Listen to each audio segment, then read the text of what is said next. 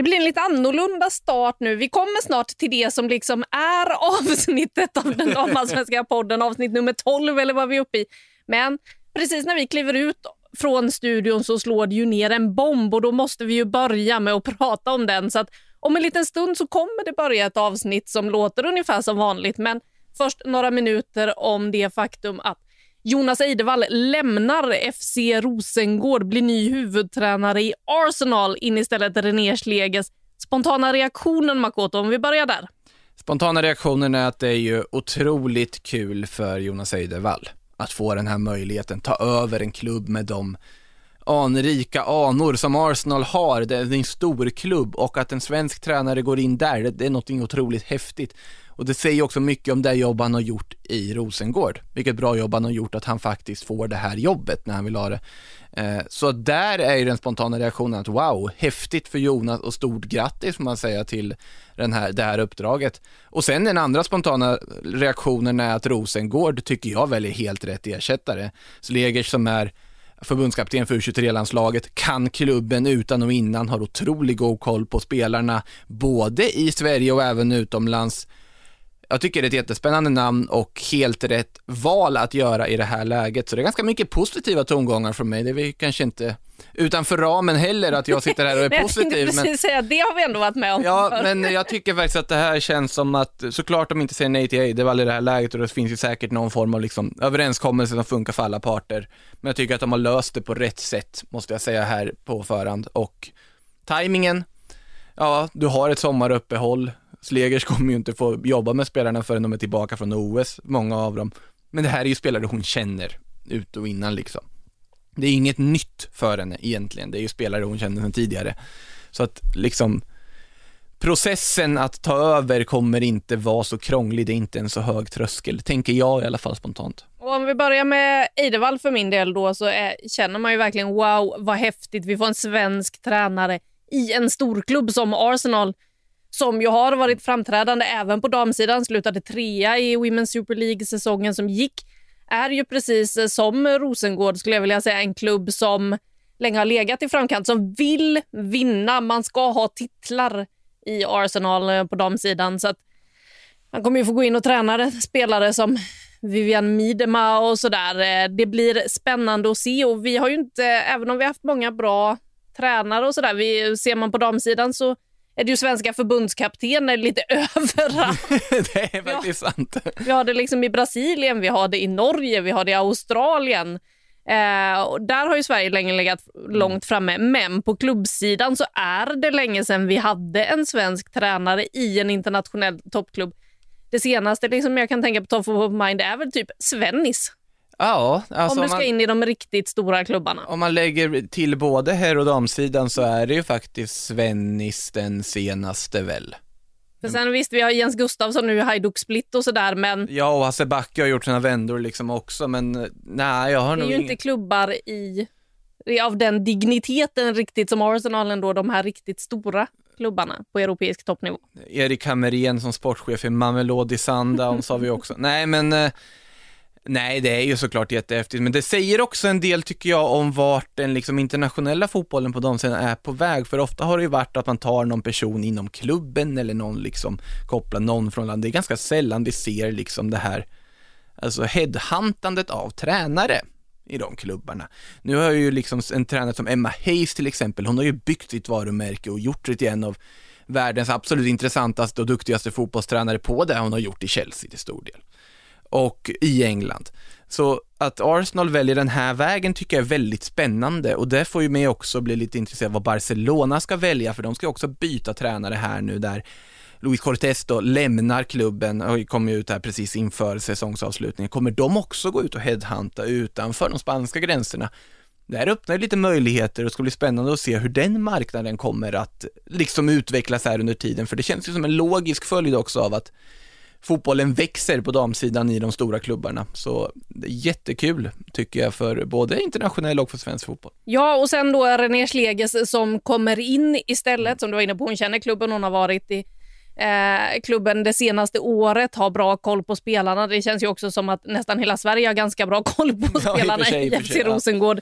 Men det är klart att det är bra att få in en tränare. Hon är ju också en ung tränare. Det ska man komma ihåg att Jonas Eidevall fortfarande är ung. Han har många år eh, kvar som tränare på den absoluta toppnivån. Så det blir ju spännande att bara se den utvecklingen.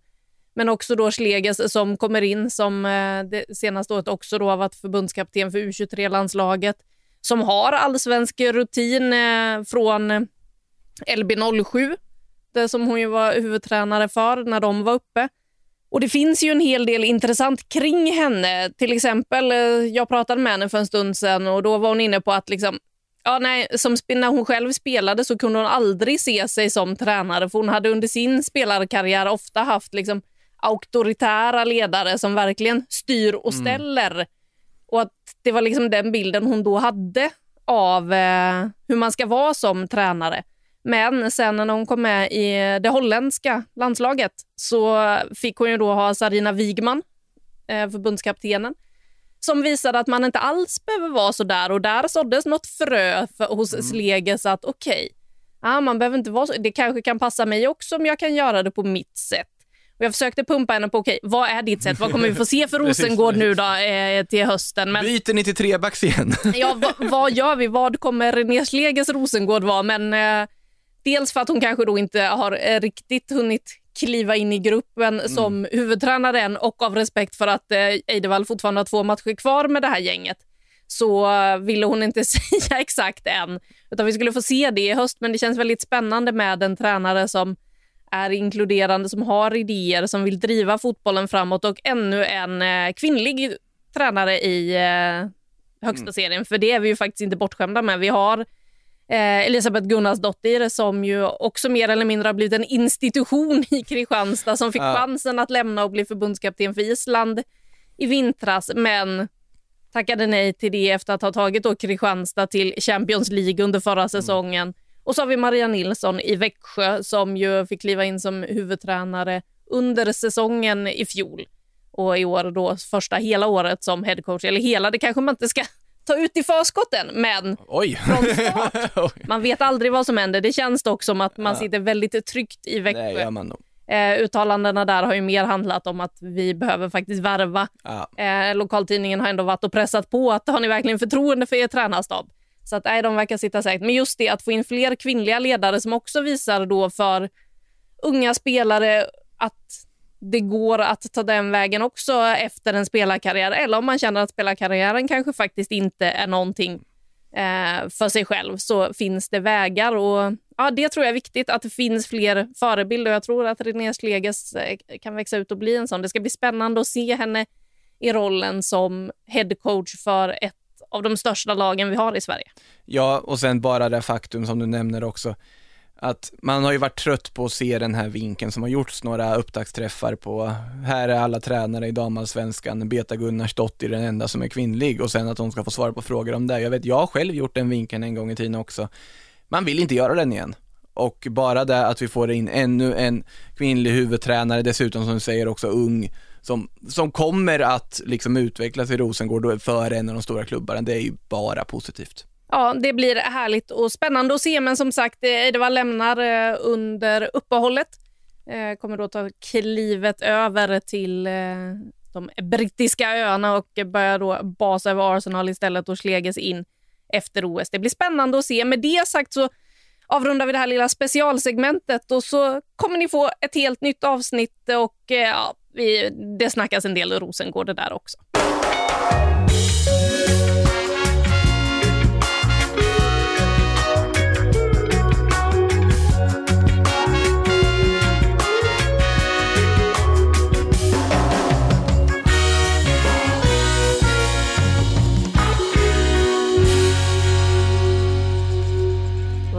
Att säga varmt välkomna till den damallsvenska podden igen. Men det är lite tomt eh, i studion. Jag sitter på helt fel plats dessutom. Jag känner mig lite sådär desorienterad. Men, men du satte ju dig där när jag kom in, så satt du på den där platsen. Ja, så.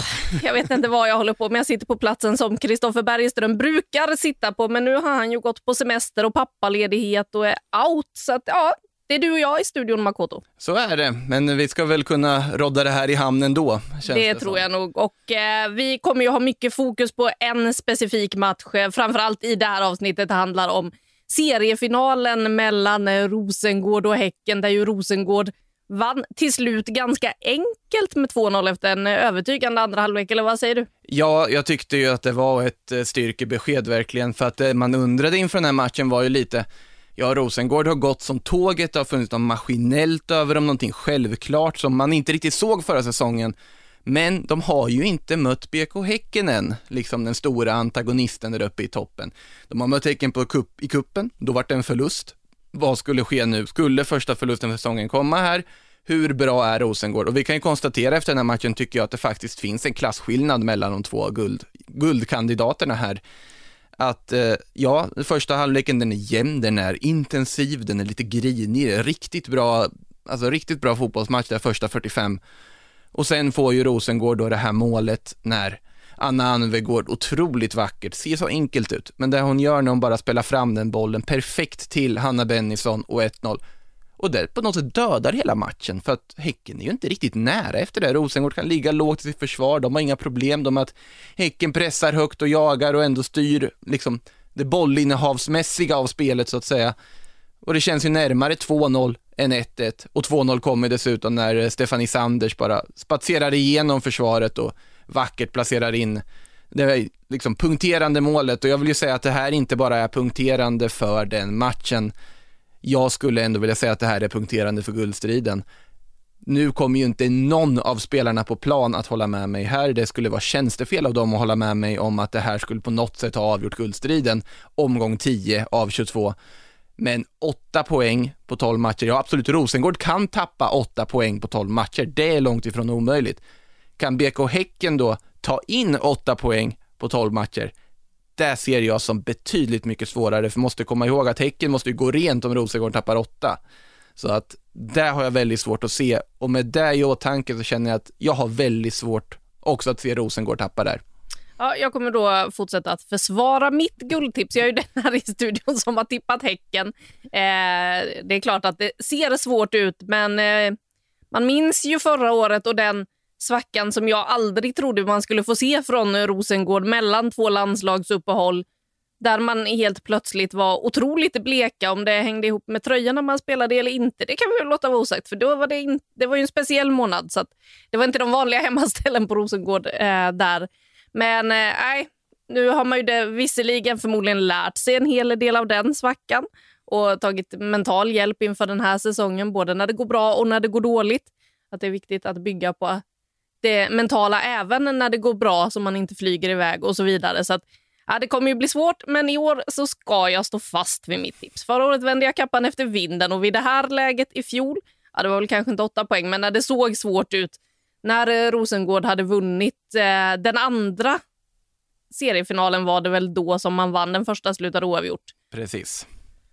Då såg det ju tungt ut. Då vände jag mitt tips. Eh, I år ska jag stå fast. Det är min plan. Eh, nu ska jag sluta prata om det och så ska vi ta och eh, bjuda in dagens gäst. Ja, och vi kan ju inte snacka om den här toppmatchen utan att vända oss eh, till Skåne och en av de stora matchvinnarna vi har med oss, Hanna Bennison. Hanna, hur mår man en dag efter en sån här seger? Nej, men man mår jättebra. Eh, så skön vinst igår och en viktig match för oss också. Så att, eh, nej, man mår hur bra som helst nu dagen efter. Vad säger du om det här avståndet ni har skapat nu på åtta poäng till närmast jagande Häcken? Nej, men det är klart att det är ett väldigt bra försprång för oss. Eh, sen så tror jag inte man ska bli bekväm i det, eh, utan att vi, vi försöker fortsätta jobba på och sikta framåt eh, och inte tänka så mycket på det.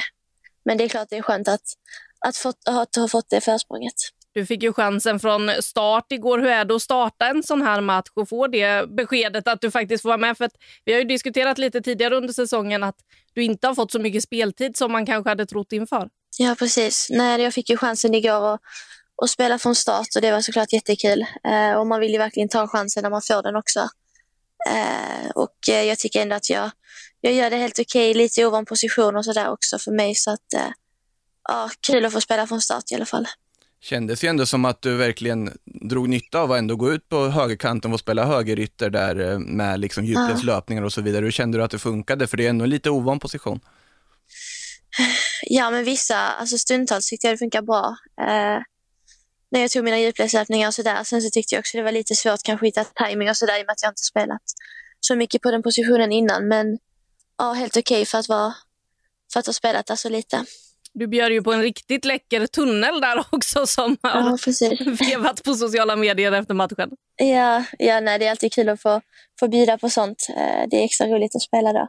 Men det är liksom ren instinkt i ett sånt läge när du ändå är liksom felvänd mot spelaren, att men vi kör en klacktunnel, liksom. eller hur, hur, hur kommer en sån situation upp? Liksom? Det är alltså svårt att säga, jag tror inte jag tänker så mycket, det är bara alltså, sker liksom på, på känsla typ, eller ja, det bara sitter typ. Du var inne på att det här är ju en lite ovan position. Vi trodde kanske att du skulle få kliva ja. in på mittfältet eftersom Ria Öling också saknades. Eh, hur ser ja. du på att det blev den positionen det blev ändå när det fanns en plats på mittfältet? Det är klart att jag helst spelar på mittfältet. Eh, jag trivs ju bäst där eh, och tycker också att jag är bäst där. Men sen så såklart så tycker jag det är kul att testa nya positioner också. Men helst hade jag ju sett att jag fick komma in på mitten. Nu är det ju två matcher kvar innan OS-uppehåll. Hur ser du på utmaningarna som väntar er? Ja, vi har ju två matcher kvar och, och nu gäller det väl att lägga fokus på det eh, och ta en match i taget och, och vinna dem. Eh, ja, och sen gå på uppehåll då. Vi ska alldeles strax släppa dig här, Hanna, men imorgon så tas det också ut en OS-trupp. Hur går dina yes. tankar så här ett dygn innan Gerhardsson ska berätta vilka som får åka till Tokyo? Nej, det är mycket tankar och känslor som går, som går i huvudet nu. Eh, det är klart det är lite, lite nervöst och lite, lite spänt sådär. Eh, men jag känner ändå att jag har, har gjort mitt bästa denna säsongen och sen så får vi se hur långt, hur långt jag tar mig helt enkelt. Pratade du någonting med Peter efter matchen igår också? Han var ju på platsen då i, på Malmö mm. IP. Nej, det gjorde jag faktiskt inte. Hur kommer du följa den här uttagningen då? Mm, ja, jag vill kolla på den live. Det blir spännande. Hur hög kommer pulsen vara när det är dags att, eh, för honom att lämna backarna och gå över på mittfältanfallet? Nej, den kommer nog vara rätt hög ska jag säga. Ja. Måste innan vi släpper också, du gjorde ju mål också, vi har inte ens pratat om det. Nej, fantastiskt kul att, att få göra ett mål. Speciellt nu när man får chansen från start också. Eh, så det betyder mycket för mig och för laget också. Speciellt i en sån här viktig match. Så ja, jätteskönt. Och chippen, det var också någonting som är svårt att beskriva efter hur du, hur du tänkte antar jag. ja, lite så. Det var inte så mycket tid att tänka där heller. Så ja. Det är ju en fin och fartfull kombination från er med Anvegårds passning också fram till ja, dig. Verkligen. Hur beskriver du den situationen som ändå var det som fick hål på Häcken? Ja, nej men det kom in lite längre boll eh, som Anna får tag i då. Eh, och så ser jag liksom att hon, hon har kontroll på den så då tar jag löpningen in centralt eh, och sen så släpper hon den perfekt till mig. Och sen chippar jag den över. Så ja, fint gjort av Anna också. Hanna, med det ska vi tacka för att du hade tid att vara med här lite. Vi förstår att du har annat att fokusera på också idag. Så tack Grattis så hemskt mycket. Grattis till studenten i efterskott kanske man ska säga Tack så mycket. Ja. tack. tack Hanna för att du var med. Hej, hej. hej. Tack, hej. hej. Ja, hon låter ju oerhört glad, eh, Hanna, dagen efter så här och det får man väl ändå förstå. Det måste vara skönt att vakna en måndag. Ja, eh, eh, skönt att vakna en måndag vet jag inte om det alltid är, men för Anna Bennison i det här läget så absolut, får chansen från start. Sen är det ju en sån spelare med mig också, hon har ju så otroligt höga krav på, på sig själv och sin fotboll om vad hon ska leverera. Utifrån sett när vi tittar på matchen tycker jag hon gör en väldigt bra 60 minuter på plan här i en ovan roll. Hon själv ser ju snarare saker hon kan förbättra och så vidare, men det är också den inställning som tagit henne så långt, som kommer ta henne så långt också, så att det är ju otroligt häftig fotbollsresa som bara har börjat, som vi får följa här nu och man ser också den där klacktunneln hon gör är ju, det är från den högre skolan, det är från den höga hyllan, det är otroligt vackert och målet dessutom. Ja, målmedveten ung tjej. Det ska bli spännande att följa den där OS-trupputtagningen imorgon. Innan vi pratar mer om matchen kan vi väl bara landa in lite i den då. Jag tror ju att eh, Hanna Bennison kommer att finnas med när Peter Gerhardsson byter slide till mittfältare, anfallare. Vad tror du? Ja, jag säger inte emot där. Jag skulle säga att hon nästan är självskriven just nu efter det hon gjorde mot Norge, det hon gjorde här och den liksom spets som hon har. För det är inte någon annan spelare som riktigt har den här alltså unika spetsen som gör henne till en av världens absolut mest liksom, eh, ja, alltså upphausade och eftertraktade talanger. Det är ju den här unika spetsen hon har och jag tror att sett till vad hon har levererat när hon tagit på sig landslagströjan, sett till nu också när hon faktiskt levererar när hon får speltid, så tror jag att hon borde vara relativt självskriven. Nu tror jag om ganska många spelare som vi såg igår. Det är vissa små punkter man funderar lite över. Kommer Johanna Rytting Kaneryd att slå sig in efter en väldigt, väldigt fina landslagsinsatser de gånger de får chansen och också gjort det bra under försäsongen i Häcken. Kommer det räcka för att slå sig in i truppen? Madeleine Janogys fantastiska vår i Hammarby, kommer den räcka för att slå sig in i den här truppen? Det är lite där jag ställer mina frågor. Vilka mittbackar kommer med nu när eh, Sembrant och Fischer är borta? Är det Emma Kullberg? Eh, ska vi räkna bort Emma Berglund helt och hållet än med tanke på rutinen och så vidare? Jag tror inte vi ska göra det helt än. Eh, det är väl de frågorna jag har inför trupputtagningen i alla fall, där det är lite osäkert. Men jag tycker Anna Bennison ingår i kategorin där jag hade blivit väldigt förvånad, för att uttrycka det milt, om hon inte är med. Men apropå Berglund-Kullberg där, om vi ser till mittbacksduellen som vi då hade igår, de som mm. i fjol spelade i samma backlinje, nu spelar i varsitt topplag. Det har öppnats i OS-platser som du är inne på. Fischer, Sembrant saknas. Eh, Sembrant på grund av skada och Fischer har ju tackat nej av eh, personliga skäl eftersom hon ska bli mamma för andra gången under sommaren och därför valt att inte medverka i Tokyo. Eh, det som jag ställer mig lite frågande till kring Emma Berglund då, det är ju skadehistoriken. När man vet att man kliver in i ett OS med tätt och tajt matchande så behöver du ha spelare som känns helt fit for fight. Berglund, nu har hon ju spelat mycket i Rosengård, men det har varit lite små skavanker hit, lite små skavanker dit. Eh, ja, tveksam om hon är tillräckligt hel. Annars ser jag gärna Emma Berglund i en OS. Det beror ju lite på hur Peter Gerhardsson tittar på det, för det finns ju liksom pros and cons med båda valen. Kullberg, absolut inte i närheten lika skadebenägen, också en fruktansvärt bra mittback, men har ju inte riktigt samma rutin från de absolut största scenen som ändå Emma Berglund har med liksom PSG förflutna i åtanke och så vidare och varit med länge, van vid att vinna, allt det där. Det finns någonting med Emma Berglund som gör att jag skulle inte förvånas när hon ändå kallas tillbaka här precis innan i den här samlingen och gör comeback i landslaget, då räknar jag med att hon faktiskt finns med i planerna här. Eh, frågan är om det räcker hela vägen till en trupp eller inte. Och det tror jag också kan ha mycket att göra med Kommer reserverna få användas eller inte? För det har inte vi något svar på än om de här målvakt plus tre som då kommer tas ut som reserver, som kommer att liksom behandlas på samma sätt som övriga truppen på plats. De kommer att vara en del av den här OS-bubblan, de kommer att vara i OS-byn men de får inte spela om det inte händer något med någon av de andra 18.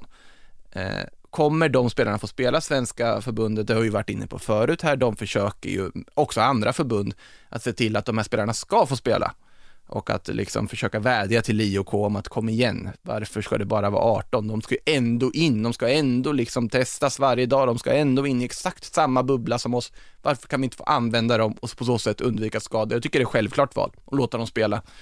Men eh, vi får väl se vad IOK-byråkraterna kommer fram till där i alla fall. Men beroende på svaret där skulle jag säga också att det kan bli olika trupper. Men nu är vi ju i ett läge där en trupp ska tas ut imorgon och vi inte har fått svar på det. Så då måste det ju vara spelare som funkar i båda fallen och det tror jag att det kommer vara också. Ja, Gerhardsson var inne på att han hoppas att svaret ska komma under dagen idag så han vet när han ska sätta ut, eller ta ut den här truppen. Den skulle ju egentligen varit uttagen redan förra veckan men just på grund av att kunna tänka lite olika beroende på om reserverna räknas som en del av truppen eller inte så har man skjutit på det. Och ja, Vi får väl se om han har fått ett svar innan han ska presentera truppen. I övrigt spelare som spelade igår, spelare som var hemma i damallsvenskan, det är väl bara de här två lagen och så då Madeleine Janogy som i Hammarby som kanske knackar lite på dörren. Men eh, vilka ser man mer då? Men Jennifer Falk, nu spelade ju inte hon igår, vilket jag är lite orolig över för att eh, hon ska ändå åkt på någon form av skada på träning i veckan som man inte ville chansa med. Men mm, mm, man blir ju ändå alltid lite orolig när det finns skador med i bilden. Jag hoppas, hoppas, hoppas hoppas att det inte är mer än eh, verkligen bara en försiktighetsåtgärd. De sa inte vad det var för skada hon åkte på, men det hände ju någonting på träning, uppenbarligen enligt Mats Gren. Ja, och det var ju som sagt tydligt att det var en försiktighetsåtgärd. Och då känns det ju som att det är just för att inte riskera ett OS. Att den tanken finns. Och det gör ju mig ändå lugn i det här läget att eh, Jennifer Fall kommer finnas med i truppen. Och då är det ju återigen så, om något skulle hända på OS så finns ju en reserv som för ja. ett målvakt. Då kommer ju Cecilia Musovic vara där som reserv. Vi kan väl räkna med att det är hon som kommer uttagen som tredje målvakt. Det känns ju solklart i alla fall. I övrigt så beror lite på hur säkra man ser dem som. Jag ser exempel... Seger är ju den säkraste i hela landslagstruppen. 215 procent säker. Ja, ja alltså det, det finns inte annat. Jag, jag vet inte ens vad jag ska slå vad om ifall, ifall hon inte skulle vara med. Det hade varit århundradets skräll om vi säger så. Ja. Jag tror ju att det finns vissa andra spelare i den här serien som också är säkra. Nathalie Björn vill jag nästan sträcka så långt som säker. Sett till hur hon tog chansen i senaste landslagsuppehållet, sett till att hon har börjat få speltid igen, sett till mångsidigheten, sett till hur otroligt högt värderad hon är av Peter Gerhardsson och varit under ganska många år också. Det var ju ändå ganska tidigt Björn fick chansen i landslaget. Eh, och tog den dessutom redan då, så att där tror jag att vi kan vara ganska säkra på att Björn är med. Stina Blackstenius kan vi också vara helt säkra Ja, det måste hon ju vara. Den kan vi vara helt säkra på också. Olivia Skog vill jag väl nästan sträcka mig så långt som vi kan vara relativt säkra på också. Tycker ändå att hon gjorde en bra insats som eh, wingback där mot Norge, även om kanske åsikterna går lite isär om hur bra hon var som högerback där. Eh, Jag tycker hon var kanonbra i den rollen.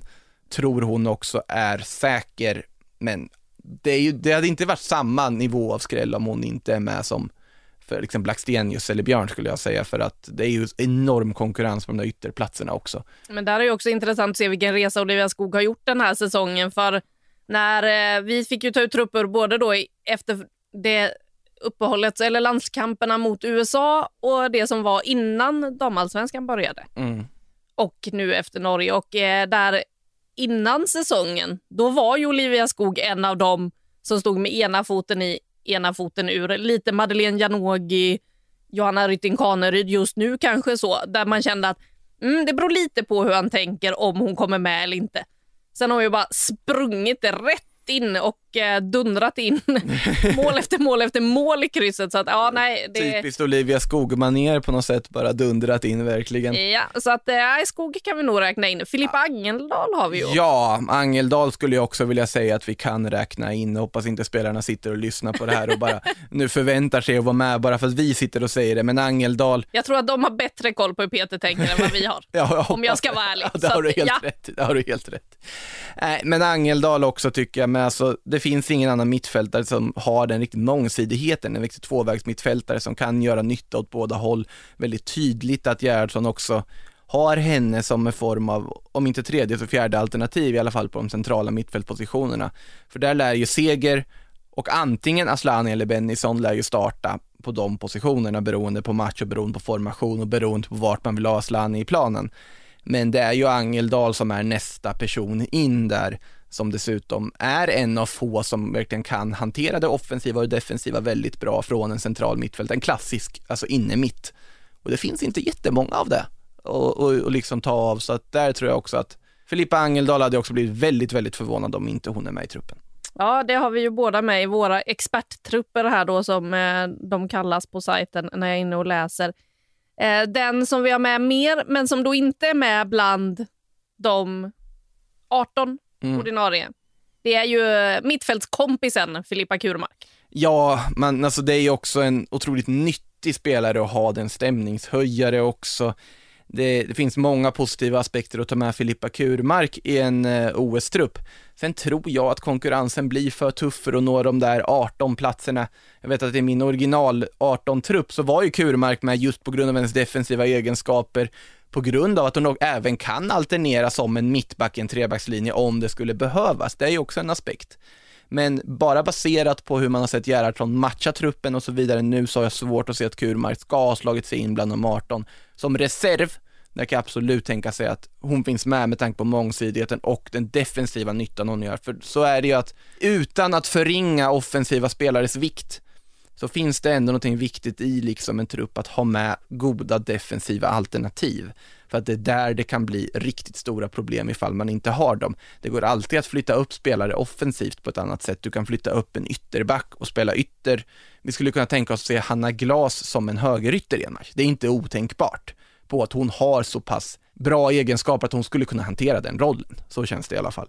Däremot är det inte lika lätt att tänka sig att man skulle flytta ner en offensiv spelare och spela mittback eller spela högerback eller vänsterback. Nu har ju för sig Gerhardsson gjort det också med att flytta ner folk på Ja. wingbacks. Det, det, hör ju, det är ju hemma, det är liksom inne nu att låta alla spela wingback. Men jag tror att det är viktigt att ha folk som har den defensiva egenskapen, framförallt inne mittfältare som har den också och därför borde Kurmark vara åtminstone en reserv i truppen. Ja, och där blir det ju lite då kanske hur eh, Gerhardsson balanserar eh, reserverna. För det kan ju vara som så med tanke på att de offensiva krafterna ofta slösar mer energi under en match, springer mycket, får jobba mycket. Ja, får man då byta dem under match, ska han utnyttja alla sina fem byten, ja men då kan det vara skönt om truppen blir 22, att det finns lite fler offensiva alternativ Det Att- också. att de som är på planen kan känna att de kan springa skiten ur sig och sen kan det komma in någon sista 30. Det är ju också tätt matchande, det kommer vara varmt, allt det här vi har pratat om. Så att jag tror ju att det kommer vara en offensivare balans på reserverna om Peter vet att han får använda dem hela turneringen och bara byta och hålla på. Men däremot, är det så att han bara får plocka in dem vid skada, ja, då måste han ju se till att han kan ha någon att ta in ifall till exempel, det, absolut, det känns ju som när jag tittar på en potentiell trupp här just nu, så känns det ju som att en av de värsta skadorna Sverige skulle kunna åka på Magdalena Eriksson. Ja, den hade ju...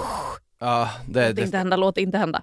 nej, och då, då, det behövs ju en mittback bland reserver, det är inget att snacka om skulle jag säga.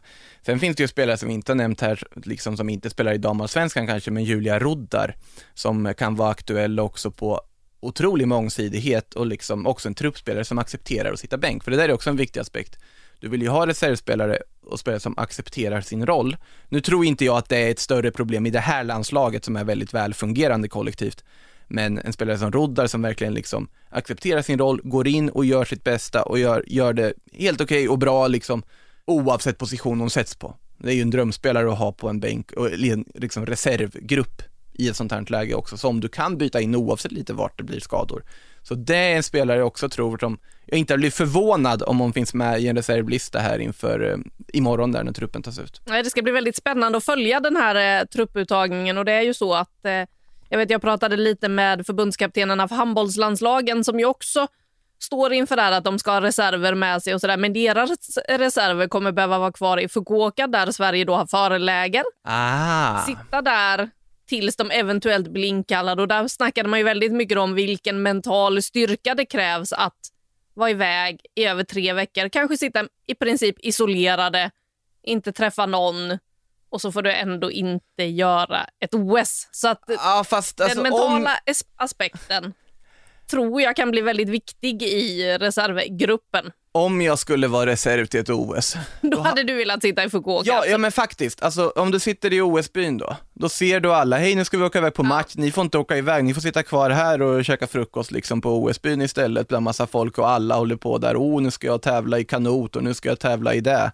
Att du liksom ser alla som åker iväg och tävlar hela tiden. Det Ja. tror jag kan bli liksom en påfrestning också och då är du ju ännu mer övervakad i en sån by, särskilt i ett sånt här OS som kommer vara en sånt logistiskt svårt OS att genomföra för att uttrycka det milt. Eh, Fukuoka, hänga där i Kyushu, det är en trevlig stad, lite mer i lugn och ro, säkert käka god mat där på hotellet, alltså tre veckors betald hotellsemester i Fukuoka, taget säger jag. Ja, Men, det, det beror väl kanske men jag är lite bias också i, i fallet kanske. Eh, kanske en aning. Eh, ja, nej, vi får väl se vad Peter presenterar klockan 11 på tisdag. Om ni nu då inte har hunnit höra det här innan det så kan ju in och följa det på...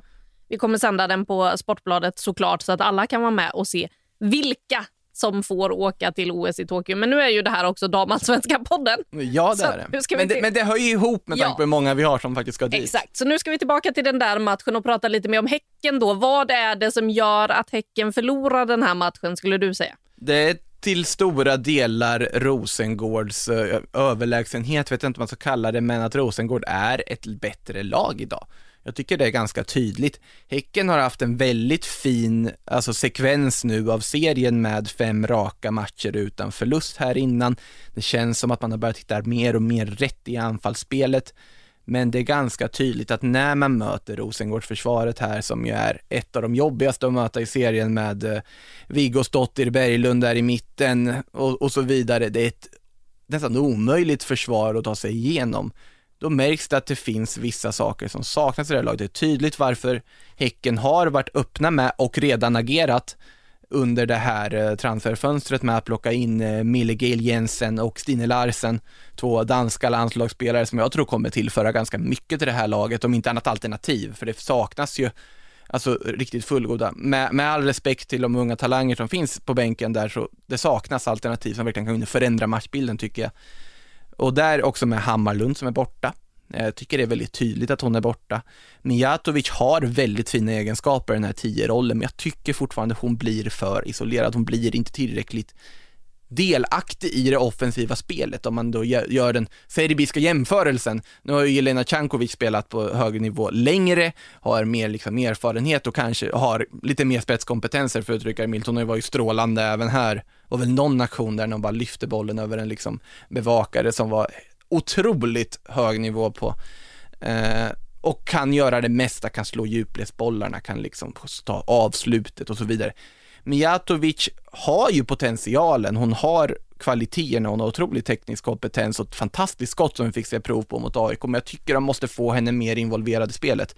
Nu spelar de ju en 4-2-3-1 här för att när Mijatovic som tia, när Hammarlund har varit borta med Blackstenius som ensam spjutspets. Men jag tycker att de måste få in henne mer i spelet, få henne mer delaktig. Anna Siki har många goda egenskaper, men hon kanske inte är en ytter primärt egentligen. Jag ser ju henne mer som en wingback i eh, liksom den här trebackslinjesystemet de höll på med tidigare. Kaneryd gör väldigt mycket nytta, men det saknas lite den här slutprodukten också. Så det finns vissa små frågetecken som jag tycker gör att Häcken känns svagare här och nu än vad Rosengård gör. Ja, det går att köra över AIK med 10-0 med ett liksom B-betonat AIK med enorma skadeproblem. Men det, du kan inte få det att flyta på samma sätt mot Rosengård, framförallt inte i ett läge när Rosengård har fått ett 1-0 mål och kan ligga lite lägre som de älskar att göra. Eh, då blir det väldigt svårt. Jag tycker det är tydligt att Häcken har lit, en liten väg att vandra upp till Rosengård just nu i alla fall. Och innan eh, OS-uppehållet då så väntar två ganska tuffa uppgifter ändå. Kristianstad först, visserligen hemma då för Häckens del. Eh, och sen så ska vi se, jag höll på att tappa bort den där, men Linköping möter man ju också innan uppehållet. Eh, visserligen då ett Linköping utan Frida Månum, för hon spelar ju sin sista match mot KIF Örebro. Ikväll i inspelande stund gör hon ju Exakt. till och med. Eh, det är ju England som väntar, det är ju i princip bekräftat. Sen får vi se vilken engelsk klubb det rör sig om. Men det här var väl, eh, jag vet inte om det var du som skrev det till mig, vi pratade om det också, att det var den mest väntade övergången på hela sommaren. Alltså så bra som Frida Månum varit, den åldern, de egenskaperna, lagkapten, 21 år gammal i ett lag som har Nilla Fischer. Det säger allt om vilken enorm personlighet och karaktär och spelare Frida Månum är. Och det är ett väntat tapp för damallsvenskan, men det är ju likväl ett kännbart tapp, framför allt för Linköping såklart, för det är ju Äh, hon är ju så fruktansvärt bra. Ja, det är ju ett tråkigt tapp för serien också med tanke ja. på hur bra hon är och också det vi har sett. Nu såg man ju, alltså Linköping har ju haft problem offensivt de senaste matcherna. Mot Eskilstuna till exempel så lyckades ju Eskilstunas defensiva mittfältsduo i Lindvikius och Nore Eckhoff neutralisera Frida Månum och när man lyckas göra det på Linköping, ja, då får de svårt att komma till lägena framåt för att så mycket går igenom Frida Månum som har varit helt fantastisk. Så att, eh, det blir intressant att se hur Linköping ska lösa det här tappet. Vad man ska ersätta med hur man ska ersätta. För att eh, ja, de kommer få problem utan Månum. Alltså jag tänker, så här, spontan tanke, att det är väldigt synd för Linköping att Ria Öling redan gått till Rosengård, för det är ju en sån spelartyp som hade kunnat gå in och liksom göra ett väldigt bra jobb i en sån roll och liksom ta det ansvaret. Eh, för de behöver ju en kreatör nu på mittfältet, där borde vara prioriterat att försöka få in någon som som kan vara den här länken, som kan öppna försvar, som är liksom det kreativa navet. Du har mycket ungdomlig frejd och spets framåt, men det behövs någonting mer. Alltså Uchenna Grace Cano är en fantastisk anfallare som gör otroligt mycket nytta och dessutom målfarlig. Kap och Simonsson är otroligt spännande spelare, kanske på sikt snarare än här och nu. Men det finns mycket att ta av, det finns mycket att bygga i Linköping, men defensiven sitter ju, den sitter ju som ett smäck. Men offensiven tycker ganska tydligt att om Monum är borta, att det måste komma in någonting som liksom kan förändra matchbilder, som kan liksom leda offensiven också. Och det ska bli spännande att se vad de väljer för alternativ där och vilka alternativ de kan få tag i framförallt. Ja, det väntar en spännande transfersommar. Vi får väl se vilka mer som lämnar. Hanna Bennison till exempel som vi hade med oss här för en liten stund sedan. Det är frågan eh, snarare när hon drar än om hon drar. För att man hör ju också på henne att hon inte är helt nöjd med speltiden, att hon inte får spela och eh, att hon också hellre hade sett sig på mittfältet där men att Eidevall då kände att hon kommer göra mer nytta eh, uppe till höger i anfallstrion. Så att, ja, nej, hon har ju varit tydlig med att hon inte är nöjd med situationen som den är i Rosengård. Framförallt under landslagssamlingen så var hon ju oerhört tydlig där. Och eh, England känns väl inte långt borta för Bennison. Det gör väl inte det va? Vi kan väl hålla oss där att det känns som att, vi hade inte blivit förvånade heller om det skulle bli klart med någonting där inom, under sommaren. Sen tror jag att hennes liksom tankar just nu känns ju som att de är riktade mot OS och liksom jag tror att hon är, kommer ju ge 110 procent under sina matcher i Rosengård, för de är jätteviktiga oavsett vart hon hamnar sen, för vilket liksom ingångsvärde hon har när hon kommer in i den nya klubb som vi alla på något sätt väntar oss som kommer gå till förr eller senare. Men eh, det, Rosengård lär ju kräva en bra slant för det, ska kräva en bra slant för det också. Så att, eh, men det blir intressant att se vilket, eh, vilket steg hon tar och när hon tar det. Ja, och så har vi Anvegård och Björn då, som vi har pratat om tidigare i podden också, som ryktas vara på väg bort. Anvegård ska väl mer eller mindre vara klar för Everton vad det verkar i våra senaste texter där. Men eh, Rosengård har ju också börjat agera då. Loreta Kulashi. Ja, och det, det känns väl spontant som att eh, en klubb som Rosengård i den, med den status de har just nu, det är en sån typ av värvning de kan göra med väldigt få andra. Att eh, försöka då lösa Kulashi redan här på en sommar. Hon har ett utgående kontrakt i Eskilstuna. Det känns väl ändå ganska tydligt som att hon tittar på lite andra utmaningar. Hon har gjort väldigt mycket för Eskilstuna. Hon, har... hon sa ju till och med i vår intervju att jag vet i alla fall att nästa år spelar jag inte i Eskilstuna. Så att vill Eskilstuna ha pengar för henne då släpper man henne i sommar. Ja, precis så är det ju och eh, då kan man ju tänka sig ett utland såklart också, men eh, Rosengård, det är ett Champions League-lag.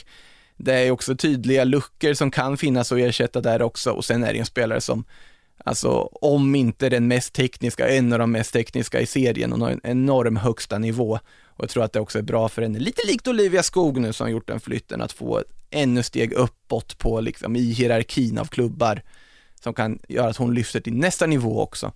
Så det ska också bli intressant att se vad hon hittar på och vad som händer där under sommaren. Ja, vi var ju och gjorde lite trickshot-utmaningar inför den här säsongen. Hon var ganska bra på dem. Eh, man kan säga att hon eh, slaktade de utmaningarna och var själv lite irriterad när eh, hon tyckte att det gick lite sämre på en av eh, utmaningarna. Men ja, nej, hon var bäst på den också. Så att, tekniken den finns absolut hos Loreta Kulashi och det ska bli ja, intressant att se om hon landar i Rosengård, om hon då kan få samma boost som en sån som Olivia Skog av den typen av flytt. Hon fick ju en straffrevansch här i, igår också, ja. ska väl sägas. För Eskilstuna har ju faktiskt klättrat i tabellen nu. Nu var ju de, det var ju så att det, det kändes som att de var indragna i bottenstriden.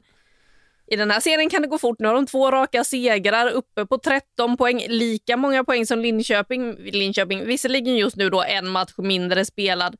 Eh, samma sak Vittsjö som li eh, ligger en poäng bakom. Men man är uppe med de där lagen som man pratade att de skulle ligga runt i tabellen. Man är inte med i den där bottenstriden längre. Det går verkligen fort att åka hiss i den här tabellen. Det går fort i hockey som man brukar säga. Aja. Eh, så nej, men eh, såklart en de har gjort bättre matcher Eskilstuna än det de gjorde igår, det ska, det ska vi alla veta, men för dem är det viktigt att börja ta poängen såklart. Och att då såklart den här segern mot Linköping, det har vi ju pratat om hur viktig den var. Här, man möter ett AIK som är stukat, det var inte som att de, ja de hade tillbaka Hanna Davison i försvaret men skadeproblemen. Maja Sarri i mål en liten stund. En liten stund, ja precis, och sen fick hon bryta. Ska väl inte vara något jätteallvarligt med henne som jag har förstått det i alla fall, så det är ju väldigt skönt att höra. Men sen måste man, jag vet att jag lyfte henne även förra veckan, efter att ha släppt in tio mål och ändå stått för flertal räddningar, men Serina Backmark som återigen kommer in och faktiskt då fram till slutminuterna håller nollan i sitt inhopp. För 1-0 målet kom ju innan, det var Majasar som släppte in det, sen kom Backmark in, räddar en straff från Loretta Kulashi. Och sen blir det straff igen på slutet. Och Backmark är ju så nära att rädda även den andra straffen, men via benet då in i burgaveln. Så det vart ju ett insläppt mål, men eh, jag är faktiskt väldigt imponerad av eh, psyket hos den här målvakten som kommer in och gör faktiskt så pass bra insatser som hon gör i ett sånt tufft läge som AIK är i. Det är all heder till det. Ja, hon verkar ha ett jäkla pannben Backmark. Ja, verkligen. får man ge henne. Eh, otroligt härligt att se. Men om man då tittar här nere i botten av tabellen så om det går fort att åka hiss uppåt så kan man ju också då rasa lite neråt. AIK nia just nu på nio poäng. Djurgården ligger där bakom, kan faktiskt kliva om AIK om eh, man skulle vinna i en match eh, borta mot Vittsjö. Seriens två naturgräslag möts ju idag. Det pratar vi alldeles för lite om hur mycket konstgräs det är i den här serien. Men idag möts de två naturgräslagen i Vittsjö. Där nere har vi ju också då Piteå och Växjö. Växjö som åkte på stryk mot Hammarby 2-1 gjorde då faktiskt ändå mål. Nu är det väl bara två mål till de får göra om Kristoffer Bergströms eh, spaning ska hålla i sig. Ja, han kanske får hålla i hatten på sin ledighet, Mr Bergström. Fast han skulle väl vara liksom helt onåbar och Han skulle inte stå till svars för något av det han har sagt. Absolut. Eh, vi kommer tvinga honom att stå till svars om Det det, krävs. Det det löser vi om vi så ska åka Vi ut. har hans telefonnummer. Ja, vi åker och röker ut honom i Gustavsberg om inte annat. Ja. Eh, men där nere så har vi också då Piteå som åkte på storstryk mot Kristianstad. Tar ledningen med 1-0 i samma minut. Nej, det är helt sjukt egentligen. Kvitterar alltså Kristianstad. Det är inte fel på livescore. Det sker i samma minut. 9.03 och 9.56 va? Ja, Kom, slår målen till där då, 1-0 och 1-1. Och eh, sen där man tänkte att ja, men Kristianstad hade, gick ju upp sen då och vände den här matchen till 2-1, till 3-1 och man kände ja, de håller på att få en rutinseger som är väldigt viktig för dem. 6-1, vart kom det ifrån tänker Du man? tappade hakan i tv-studion när vi slängde upp det resultatet ja, men jag, jag hade sett att det blev 3-1 och att Alice Nilsson blivit tvåmålsskytt och sen bara kommer 6-1 upp på tavlan. Bara, vänta, va? Det är ju Kristianstad, de gör väl inga mål? Eller de gör väl inte den här typen av matcher? Men just det, oj vad viktigt det var för dem att få en sån islossning. För att det har ju varit liksom hack i maskineriet för Kristianstad offensivt. Det, är ju, det har ju alla sett och det har de varit medvetna om själva och varit tydliga med själva också. Haft svårt det här med hur man ska lösa den andra forwardpositionen bredvid Jonsdottir. Haft svårt att liksom få det här flytet i offensiven som de ändå visade så pass ofta förra säsongen. Här är det ju en fullkomlig överkörning till slut. Och så är det ju så vackert också att Jonsdottir är den sista som gör mål, att hon fick också slå till till slut liksom. Måste varit nästan frustrerande när det står 5-1 och hon inte har gjort målen. Jätteviktigt för Kristianstad och såklart blytungt för Piteå samtidigt. Eh, som sagt, hiss upp och ner i den här tabellen. Piteå har ju varit där nere, men nu börjar de ju snart liksom cementera sig utan att ha möjlighet att trycka sig upp på någon knapp där från den här hissen för att eh, Växjö, ja, de är fortfarande en bit bort i och med att de fortfarande inte kan göra mål, i alla fall inte så många nog för att få poäng. Det är många hedersamma poängtapp på Växjös konto fortfarande. Tycker de har ett nytt hedersamt poängtapp mot Hammarby här också. Vi kommer väl in lite mer kanske på den sen. Eh, men det, du, du kan bara förlora en viss gräns av matcher innan Växjö också vaknar, för det, Växjö har inte tagit några sista poäng i den här serien. De kommer sett till vad, hur de spelar och det grundspel de har, såklart de kommer börja ta poäng förr eller senare. Det känns självklart. De kommer inte gå hela serien utan att vinna en match. De kommer vinna matcher förr eller senare. Och då gäller det för Piteå, att Piteå och AIK att börja titta tillbaka till sig själva för att det går snabbt. Det vet vi. Det kan gå väldigt snabbt. Och du vill verkligen undvika den där jumboplatsen av förklarliga skäl. Så att både Piteå och AIK, som jag också vill lägga till i den där liksom riskzonen för att flyga ner ganska fort i den här tabellen, måste ju börja få ordning på saker och ting. Ja, och för Växjös del, vi var ju båda på plats och såg matchen mellan Hammarby och Växjö i eh, torsdags. Eh, den spelades ju innan midsommarhelgen eh, och där ser man ju då att Växjö har hittat rätt i perioder, gör en del saker bra. Framförallt saknar det offensiva hotet framåt, har inte lyckats få igång Signe Holt Andersen.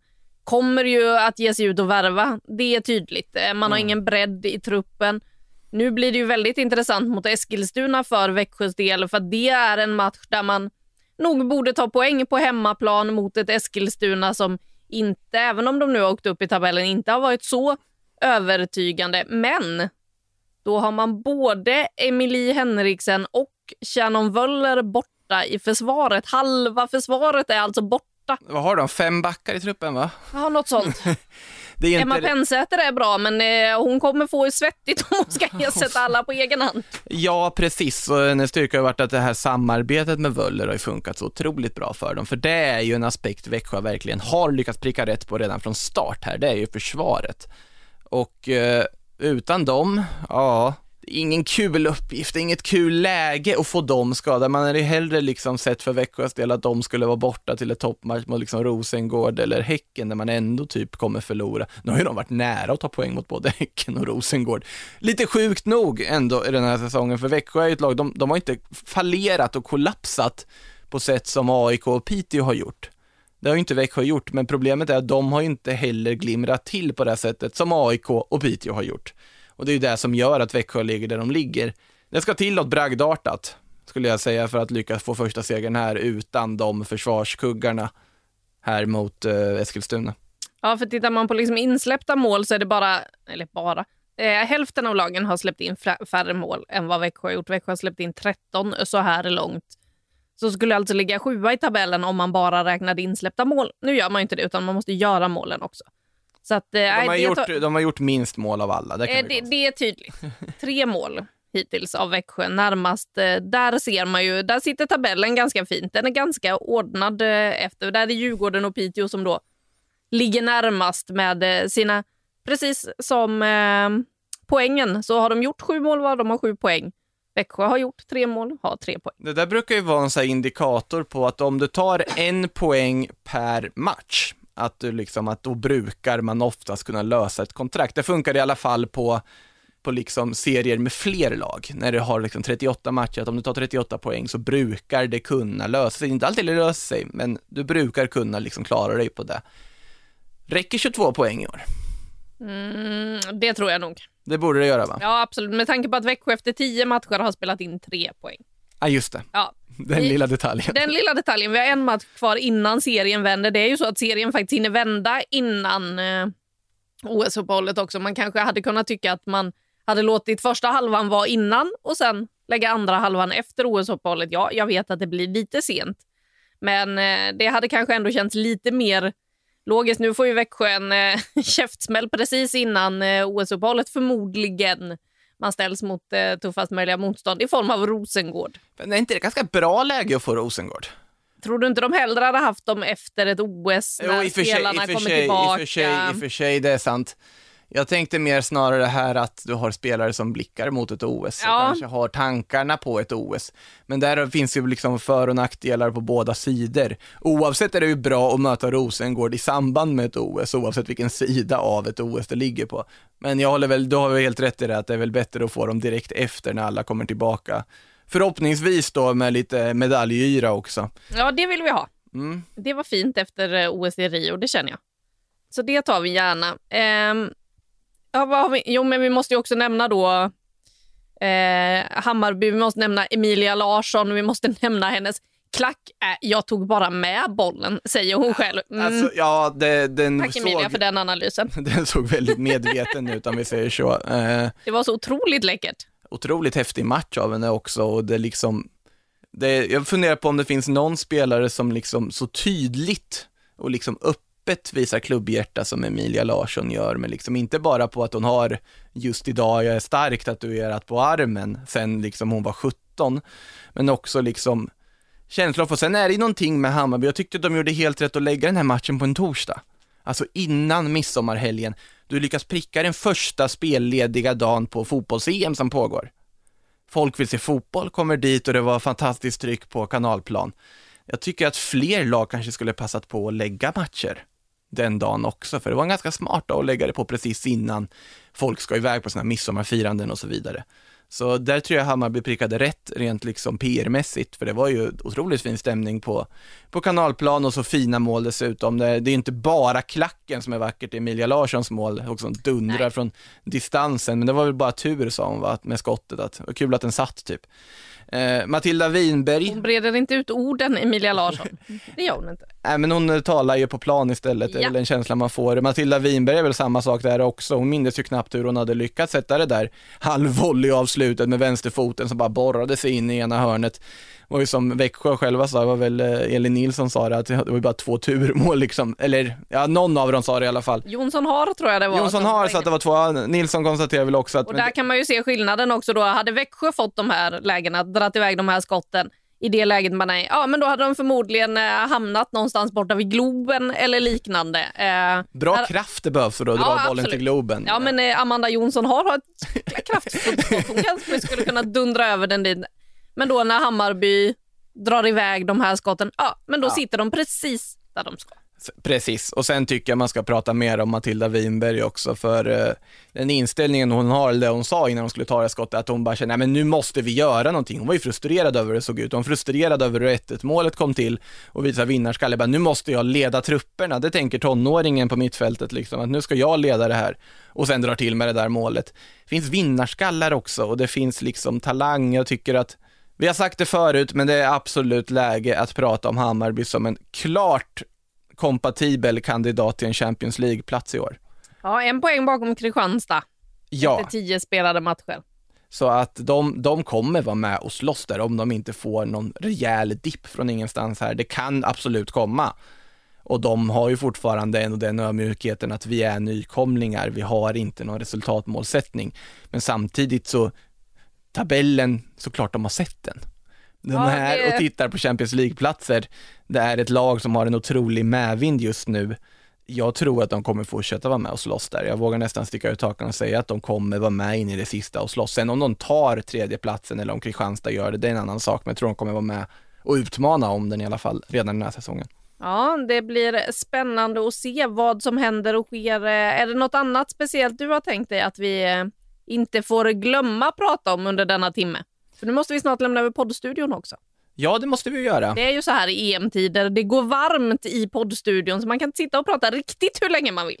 Jag måste väl in och ta en kopp kaffe innan jag ska göra nästa podd i den här studion också.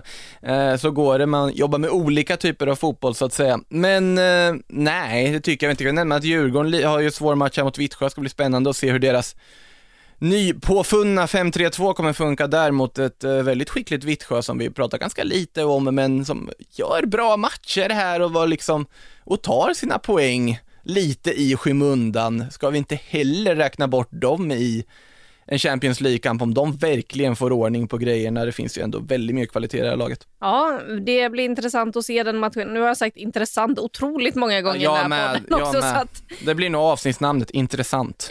ja, det känner man ju att det är absolut det man hade klickat på för att själv upptäcka en ny podd, något som är intressant. Äh, vi får vässa till oss. och kanske vara lite rappare nästa vecka. Vi får väl se. Jag hoppas att du som lyssnar i alla fall är nöjd med eh, den här nästan timmen ändå som eh, vi har suttit och eh, babblat om damallsvenskan den här veckan. Så laddar vi batterierna. Vi tittar på när en OS-trupp tas ut imorgon. Och eh, sen så ser vi fram emot mer matcher och hörs igen eh, i den här kanalen nästa vecka.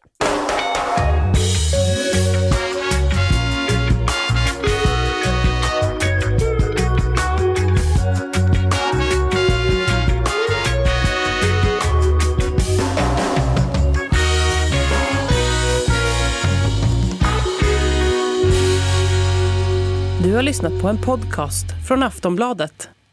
Ansvarig utgivare är Lena K Samuelsson.